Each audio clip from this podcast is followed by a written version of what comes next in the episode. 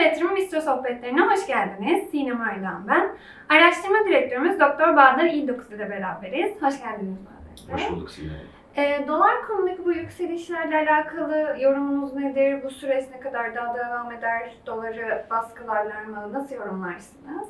Güzel bir soru sordunuz. Geçmişte tabii e, her ne kadar söylentiydi gerçekte o kısmına girmiyorum ama hani dolar üzerinde bir baskı olduğu, yukarı yönlü hareketin engellendiği, işte bazen e, bankalar aracılığıyla satışlar yapıldığı dile getiriliyordu ama lakin işte Mehmet Şimşek'in tekrardan Ekonomi ve Maliye Bakanı, Hazine ve Maliye Bakanı olması, sonrasında ise ortodoks politikalara dönme beklentisiyle beraber yabancı kurumlardan da dolar TL tahminlerinde yukarı yönlü revizyonları görmüştük. İşte Commerzbank 25'e, Goldman Sachs 28 gibi seviyeleri telaffuz etmeye başladılar ki adil değer olarak işte Bitmek endeksi gibi endeksler var. Oralara baktığımızda mevcut seviyenin de daha üstü seviyeleri görebiliyoruz.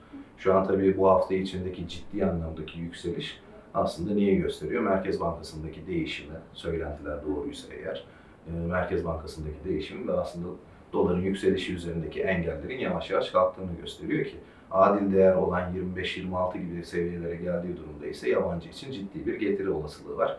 Yabancının girdiği durumda 25 seviyesini düşünürseniz 20 seviyesine indiği durumda %20'lik kur üzerinden bir getiri, e, üzerine aldığı menkul kıymetlerden de elde edeceği getiriyle beraber kurun hem aşağı geldi, kurda stabilizasyon sağlandı hem de yüksek getiri elde ettiği bir sürece evrileceğiz. Aslında sonuna yakınız diyebiliriz.